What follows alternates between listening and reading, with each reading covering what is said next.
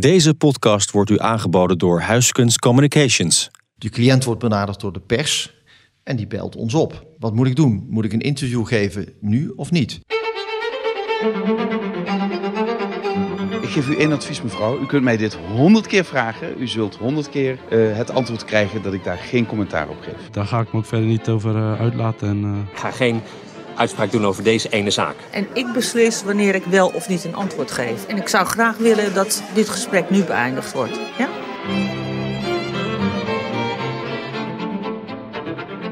Dit is Geen Commentaar. Een podcastserie van Adformatie over crisiscommunicatie. Over hoe bedrijven, organisaties en personen zich staande kunnen houden in een crisis. Want welke strategie moet je als communicatieadviseur volgen? En waarom is het toch handig om net dat ene interview te geven? En hoe krijg je de regie weer in handen?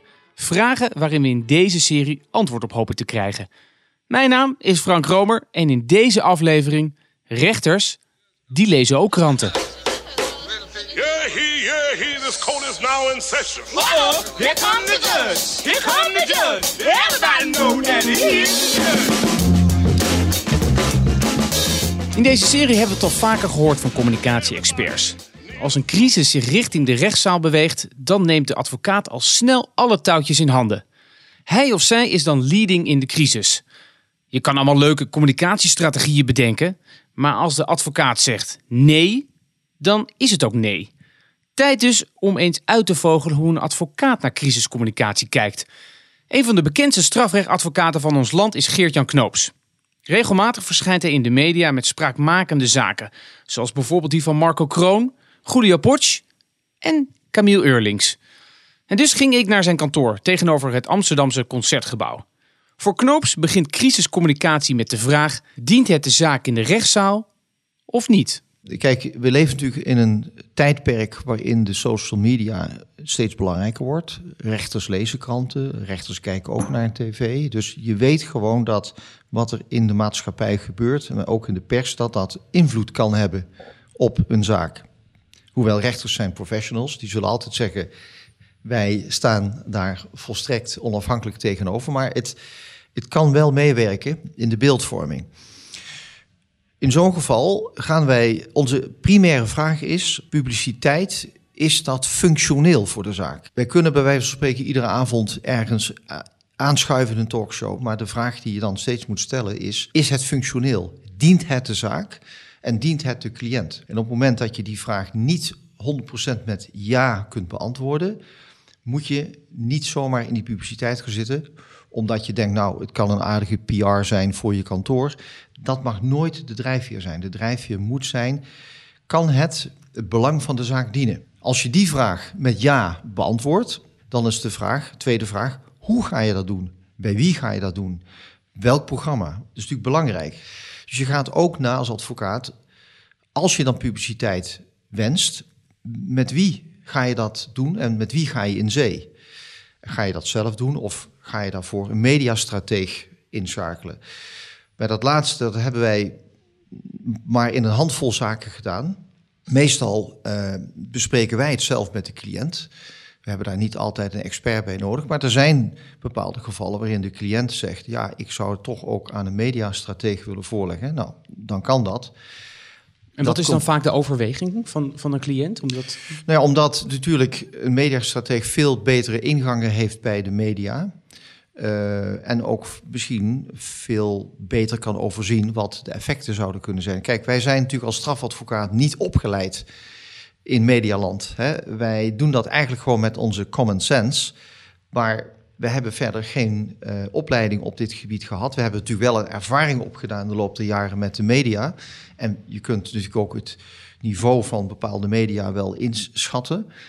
Maar uiteindelijk het, het hele speelveld en hoe ga je met de media om, dat is natuurlijk niet onze core business. Dus in bepaalde uh, gevoelige zaken uh, gebeurt dat. Hè. In de zaak van meneer Eurlings, dat is geen geheim, is er wel sprake geweest van een mediastrateeg, de heer uh, Driessen, ja. die hem begeleid heeft, heel goed heeft begeleid.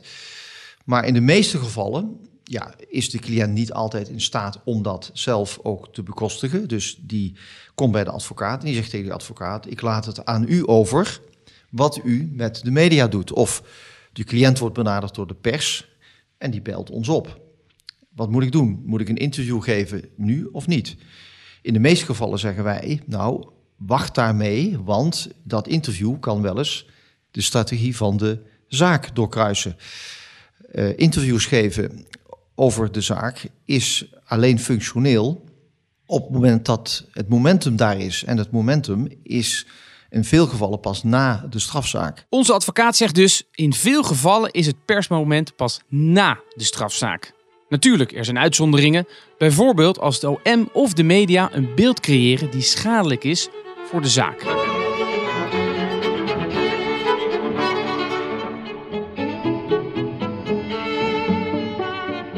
Een interessante zaak is die van oorlogsheld Marco Kroon. Begin 2018 kwam hij in het nieuws omdat hij tien jaar na dato melding had gedaan van een geweldsincident in Afghanistan in een staatsgeheime operatie. Hij was ontvoerd en later vermoordde hij een van zijn belagers.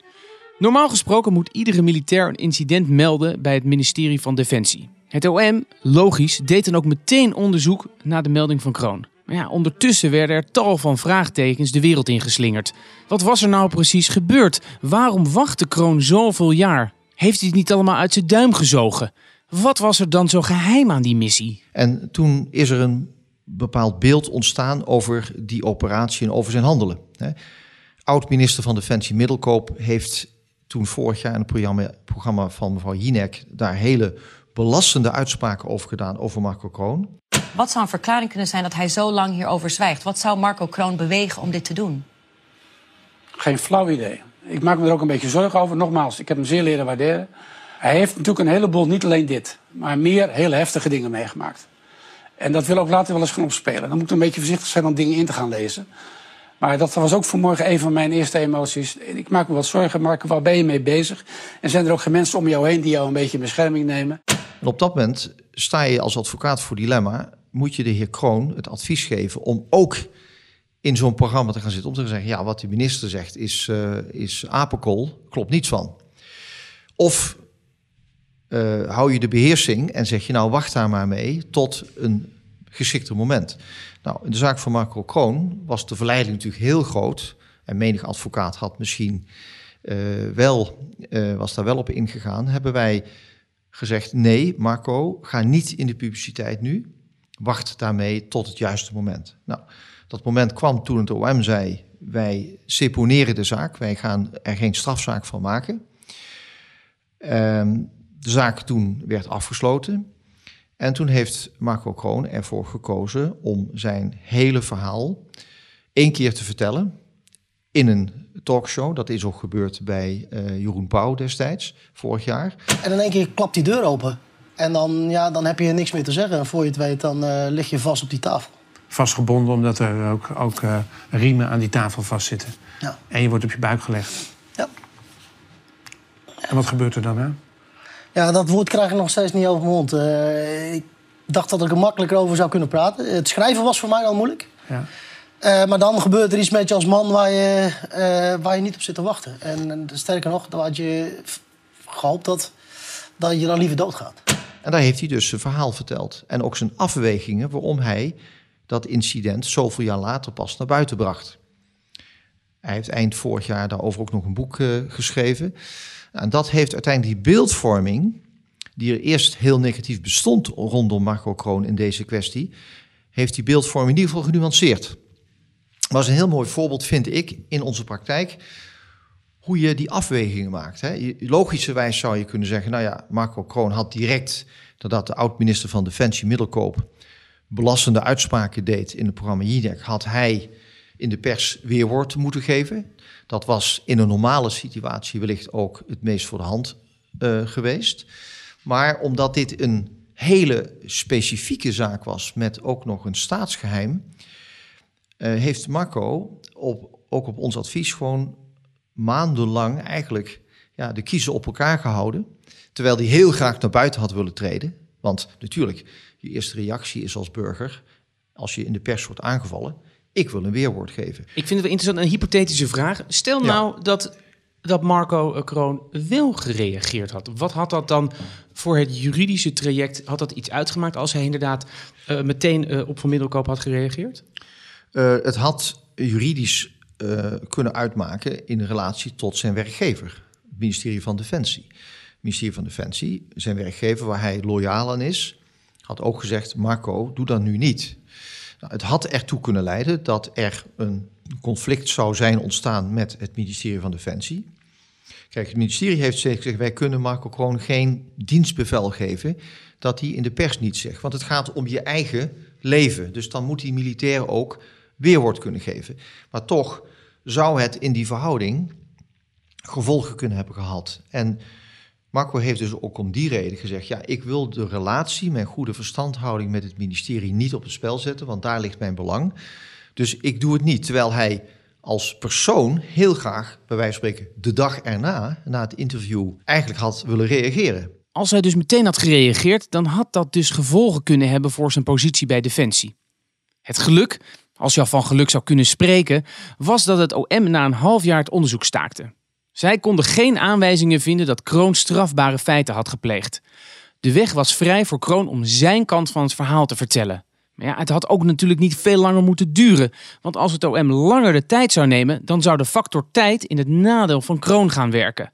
En dan zou de twijfel en de onrust alleen maar groter worden. Los van de communicatiestrategie blijven er in deze zaak natuurlijk wel vraagtekens rondzweven in de media. Want het OM heeft uiteindelijk geen aanknopingspunten kunnen vinden die het verhaal van Kroon dan wel bevestigen, dan wel weer leggen. En dus draait het om de kernvraag: geloof je Marco Kroon? Eén ding is wel zeker: Kroon werkt nog steeds bij Defensie. Althans, dat was zo voordat hij carnaval ging vieren. En daarbij besloot eens lekker op straat te urineren.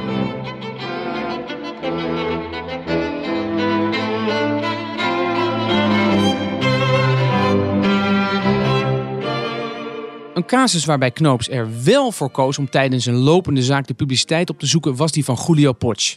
U weet wel, die Nederlands-Argentijnse piloot die maar liefst acht jaar vastzat. Julio Potsch stapt op 22 september vorig jaar, één dag voor zijn pensioen, op zijn laatste vlucht als vlieger voor Transavia.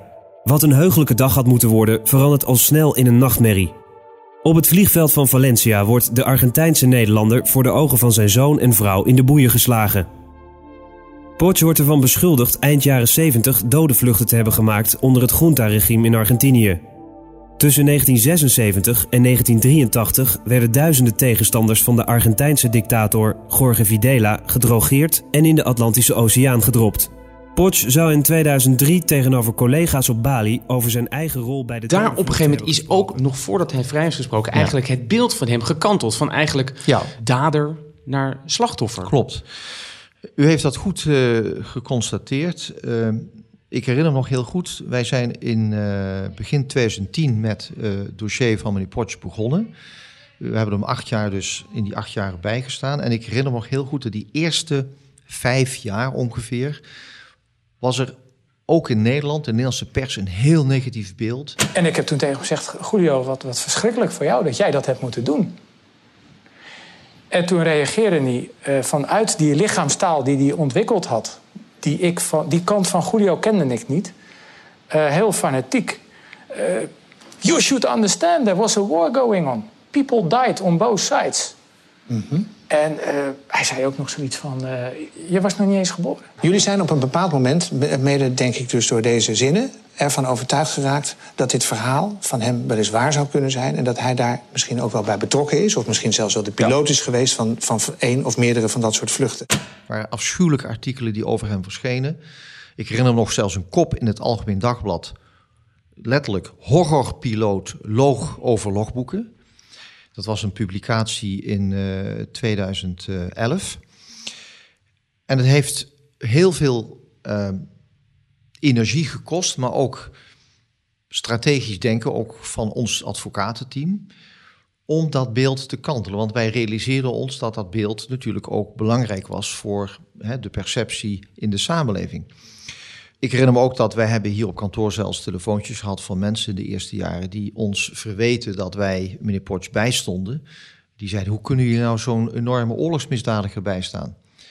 Dus er was een, een sentiment ook in de samenleving hè, dat de man schuldig was. En Dat beeld is gaan kantelen doordat wij steeds op feiten gebaseerd ook informatie naar buiten brachten als advocatenteam met deskundigen dat het verhaal van het Openbaar Ministerie niet kon kloppen met feiten. En langzamerhand, toen ook men zag dat er in Argentinië dus inderdaad totaal geen bewijs was, is dat beeld gaan kantelen. Hoe, hoe heeft u die, want u zegt nou, onze strategie was eigenlijk informatie naar buiten brengen, ge- gebaseerd op feiten. Ja. Hoe koos u de momenten?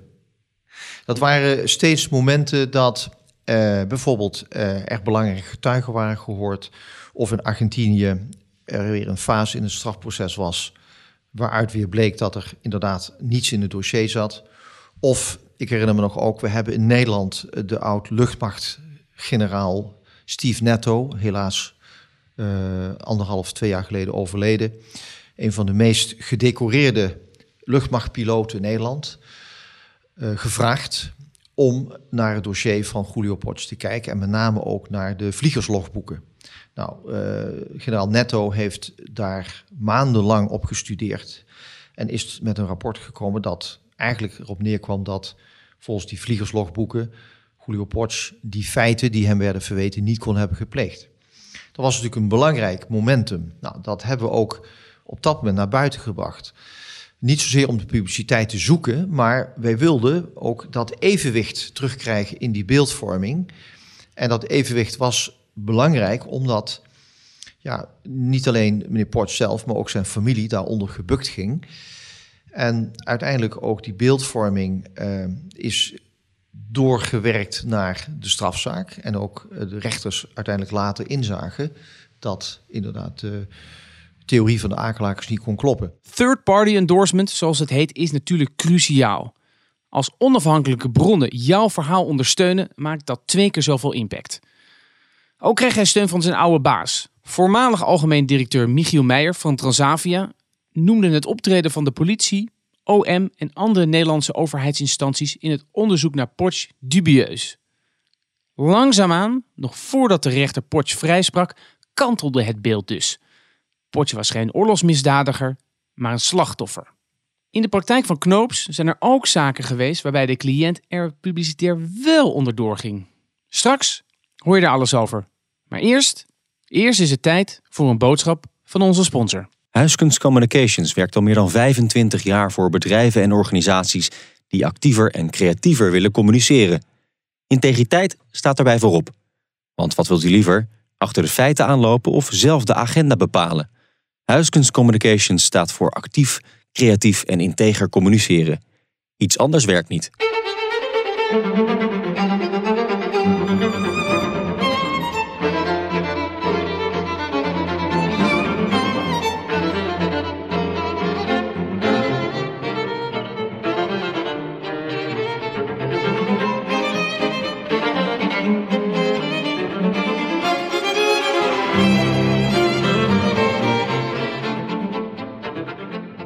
Er is ehm, een incident geweest.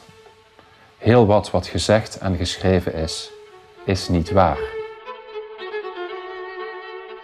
Tja, de zaak Camille Eurlings is er één met alleen maar verliezers. De oud-minister en KLM-topman viel hard van zijn voetstuk. Een mishandeling, een incident, een schikking, een strafblad, een verklaring omtrent goed gedrag, boze sporters, ongeruste sportbonden, twijfel, speculatie, het biechtinterview in NRC. De orkaan was niet meer te stoppen. De hele discussie leidde in ieder geval tot zijn aftreden als IOC-lid. Op de dag dat dat bekend werd, zat hij tegenover Frits Wester. Meneer Ullings, waarom heeft u besloten vandaag om af te treden als UIC-lid? Ik heb dit besluit al eerder willen nemen, omdat de discussie rond mijn positie iedere keer opkwam. Vlak voor kerst, op 23 december, had ik het persbericht klaar liggen. Ik had een camerateam uh, al on hold gezet om te komen. Toen heb ik mede op basis van een gesprek met het IOC besloten dat niet te doen. Uh, het IOC zei, er is formeel geen beletsel. Wij waarderen jouw functioneren, ga met dat functioneren door. En ten derde heeft het IOC mij ook klemmend erop gewezen dat als ik zou besluiten te vertrekken, dat Nederland dan geen IOC-lid meer zou hebben. Maar dat aftreden deed hij dus wel, op 5 januari 2018. De krantenkoppen waren niet mals. Het Parool kopte bijvoorbeeld hoe falend mediabeleid de val van Eurlings inleidde. En de Volkskrant deed er nog een schepje bovenop. Camille Eurlings heeft het er zelf naar gemaakt. In het stuk schreef journalist Raoul Dupré het volgende.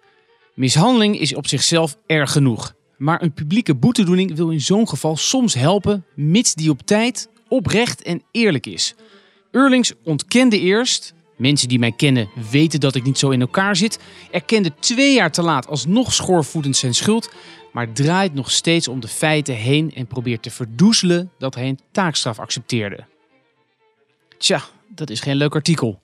Grote vraag is dan ook, hoe kijkt Geert-Jan Knoops terug op die zaak? Het is, het is zonder meer een hele trieste en tragische zaak die uh, een afloop kent die uh, meneer Eurlings niet had verdiend. Omdat, laten we beginnen met de feiten. De feiten waren dat het Openbaar Ministerie op grond van het dossier heeft gezegd...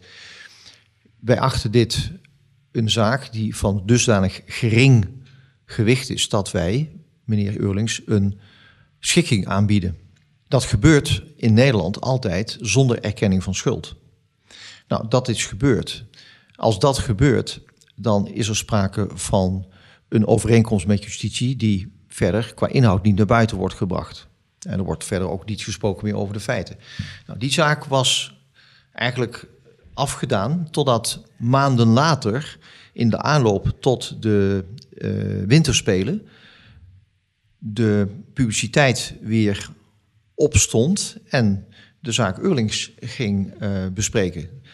Dan zit je voor de vraag, moet je daarop ingaan of niet? Nou, Eurlings heeft heel duidelijk gezegd, ik respecteer de overeenkomst met justitie. Onderdeel daarvan was dat wij daar niet inhoudelijk naar buiten zouden treden.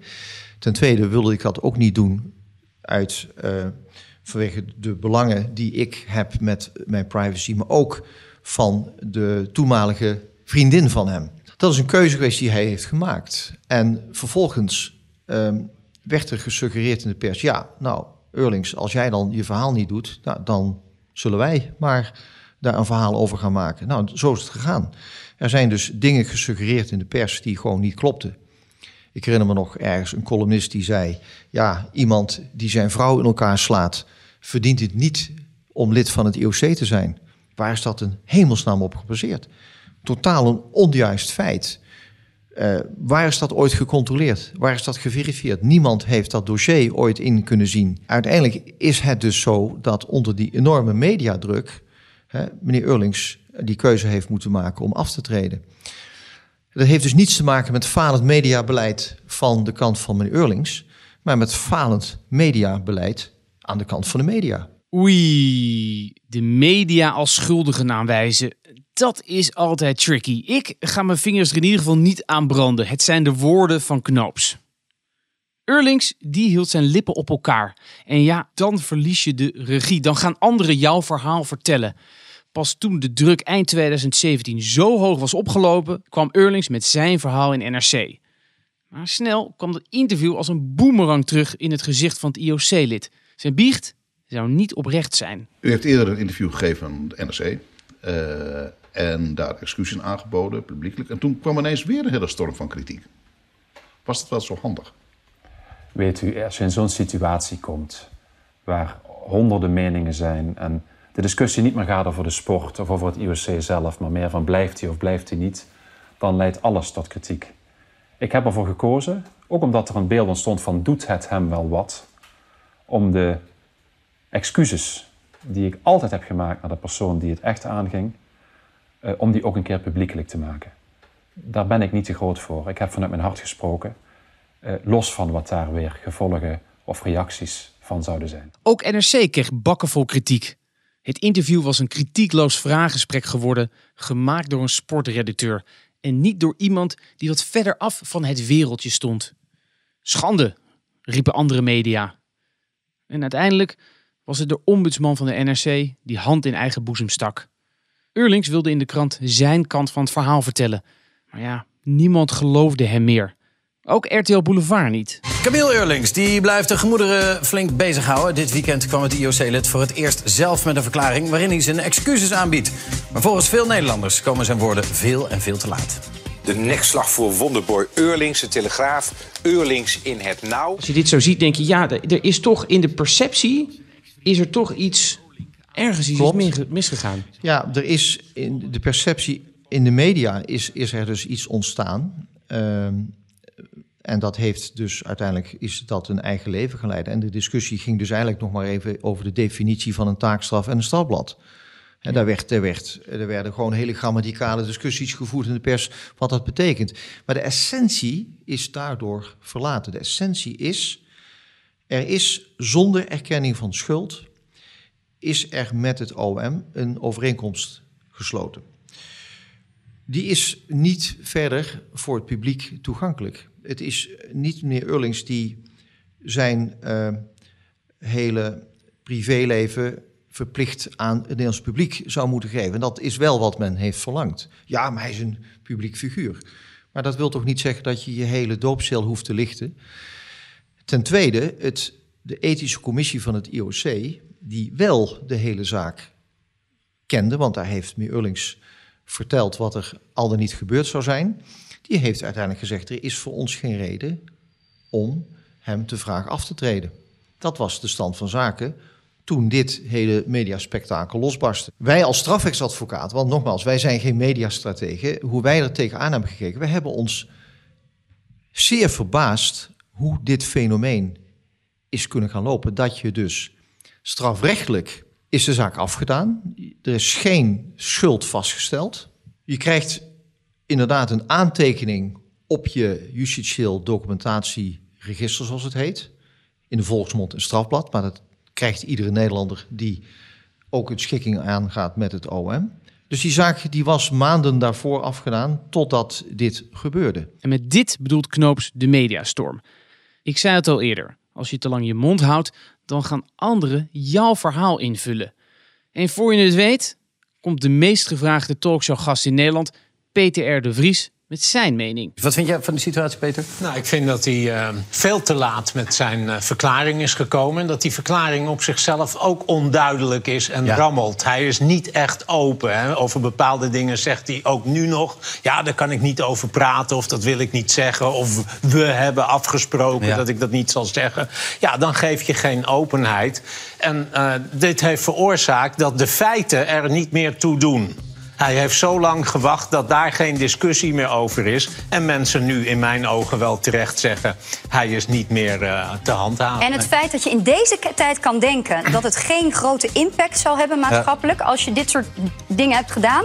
met social media, met MeToo. Dan, ben je dan heb je of geen overzicht. of je bent gewoon een slechte bestuurder. Stel je voor dat hij 2,5 jaar geleden, toen dit allemaal gebeurde, meteen had gezegd ja, en heel stom. Denk je dat hij op dit moment weer in de gratie was? Denk ik wel. Dan was het een heel ander verhaal. Ander verhaal in ieder Zal hij geval. zich voor zijn kop slaan? verhaal. Om meerdere redenen. We hadden het net over de zaak Marco Kroon. Daar, daar speelt het factor tijd heel erg een belangrijke rol in. Bij Kroon, als het nog heel lang had geduurd, dan waren die twijfels natuurlijk veel groter geworden.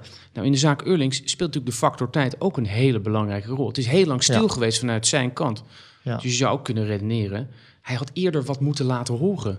Ja, maar aan de andere kant is direct na die eh, schikking met het Openbaar Ministerie, hè, nogmaals zonder erkenning van schuld, is er door het OM eh, en ook door de mediaadviseur van meneer Eurlings, is daar een kort bericht over uitgebracht hoe het was afgelopen. Hè, een, een kort persbericht, niet gedetailleerd. Ehm, ja, dus dat, dat was eigenlijk voor de, zeg maar, voor de, zaak zelf voldoende geweest. En ja, je kunt daar natuurlijk achteraf over nadenken. Ja, had hij dan daar wat uitgebreider moeten zijn? Maar nogmaals, ehm, op het moment dat jij om allerlei redenen zo'n schikking aangaat zonder erkenning van schuld en ook de keuze maakt, de privacy van alle spelers in dit dossier moet worden gewaarborgd. Ja, dan is het, ligt het ook niet voor de hand dat je daar meer over naar buiten gaat brengen. Ja, dat daar anders over wordt gedacht, dat mensen verlangen dat je dan dit wel naar buiten brengt. Dat is natuurlijk een interessant fenomeen. Maar nogmaals, dat, dat kun je denk ik niet van iemand verlangen, dat je in zo'n situatie dan daar verder over spreekt als je die keuze eenmaal hebt gemaakt en die afspraken ook hebt gemaakt met justitie. Ja, ik moet altijd denken dan aan mijn opa. Die zei altijd, er is een verschil tussen gelijk hebben Ja. en gelijk krijgen. Ja. Kijk, op het moment dat, dat de media naar atleten stappen en gaan zeggen: Ja, wat vindt u er nou van dat u straks een medaille krijgt uitgereikt van een meneer die zijn vrouw in elkaar heeft geslagen? Hoe vindt u dat nou? Wat zegt zo'n sporter dan? Die de zaak natuurlijk ook niet in. Ja, ja, dat, is, dat zou ik inderdaad wel ongemakkelijk vinden. Ja, zo worden er dan berichten gecreëerd van ook de atleten zijn het er niet mee eens. Ja, zo kun je natuurlijk ook berichtgeving doen. Maar ik denk dat je bij deze zaak je moet afvragen... ga nou eens eerst bij jezelf te raden. Hoe heb je als media hier, hoe ben je ermee omgegaan? Voordat je meneer Eurlings verwijt dat hij in de media eerder, vollediger... eh, anderszins zou kunnen hebben laten uitlaten. Het is een interessant fenomeen. Als je hierop terugblikt, denk ik dat met dit soort zaken natuurlijk... Het is belangrijk dat mensen zich hè, ook publiekelijk moeten verantwoorden in bepaalde gevallen. Maar dit ging om een privé kwestie, die was afgedaan. Tja, de kwestie was dan afgedaan, maar de feiten, die waren voor de buitenwereld een raadsel. En daarbij, de beeldvorming rondom schikkingen is ook niet echt positief te noemen. Ik zou zeggen, kijk eens naar de fraude en witwaspraktijken van onze banken. Ze betalen een paar miljoen en dan zijn ze van het glazer af. Dat beeld heeft zeker niet meegewerkt voor Eurlings. Dat komt nogal schimmig over. We dat, onlangs is die hele discussie met de ING ook eh, gevoerd. Hè, die, die, die megaschikking van de ING in verband met vermeende witwassen. Ook daar is discussie opgeleid, moet dit soort zaken niet openbaar eh, worden? En, en met name ook hoe eh, zo'n schikking dan tot stand komt, et cetera, et cetera. Ehm, ik kan me dat heel goed voorstellen dat de mensen thuis dat vreemd vinden. En misschien moet je ook daar in de toekomst wat opener over zijn. Maar je kunt denk ik niet verplichten dat een burger die in een privé kwestie met een ex-vriendin een incident heeft dat heel erg privé is. Je kunt niet verlangen, en dat kunnen de media ook niet verlangen, zelfs niet van een oud-minister, dat je dat hele privéverhaal naar buiten brengt, omdat je nu eenmaal een publiek figuur bent. Dat kun je niet verlangen. Er is een grens aan.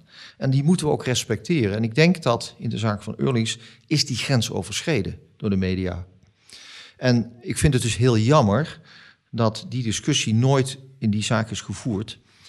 Uh, ik bedoel, wij zijn nogmaals geen mediastrategen. Er zal ongetwijfeld ook kritiek kunnen worden gegeven op uh, het interview wat hij heeft gegeven van verschillende kanten. Maar de principiële vraag is: waar is het in die zaak eigenlijk uh, geëscaleerd? Of is de zaak gederealeerd? En dat is omdat er uiteindelijk een beeldvorming in die zaak is gecreëerd. Niet door meneer Eurlings, maar door de media. Meneer Eurlings, nu is er veel geschreven over de aard van de mishandeling. Zware mishandeling, gebroken elleboog, gescheurde oorlel, hersenschudding. U heeft er nooit iets over gezegd. Wat klopt hier nou van? Er is um, een incident geweest. Heel wat wat gezegd en geschreven is, is niet waar. Iedereen die verstand heeft van justitie weet als sommige dingen wel waar waren geweest, dat deze zaak dan heel anders was afgelopen. Kortom, bij crisissen die zich verplaatsen naar de rechtszaal is de hamvraag: dient publiciteit de zaak? En zo ja, welk kanaal moet je dan gebruiken? Bij wie moet je aanschuiven? En vergeet daarbij de factor tijd niet. Want reageer je te laat, dan is je geloofwaardigheid weg. Maar reageer je te vroeg, dan kan het de zaak beïnvloeden. Julio Potsch heeft zijn geloofwaardigheid weer terug. Maar rondom Eurlings, ook al heeft hij geschikt, blijft een beeld hangen in de media van een man met weinig zelfinzicht. Dit was geen commentaar. Wil je nou niks missen? Abonneer je dan via iTunes of Spotify en natuurlijk via de Adformatie website.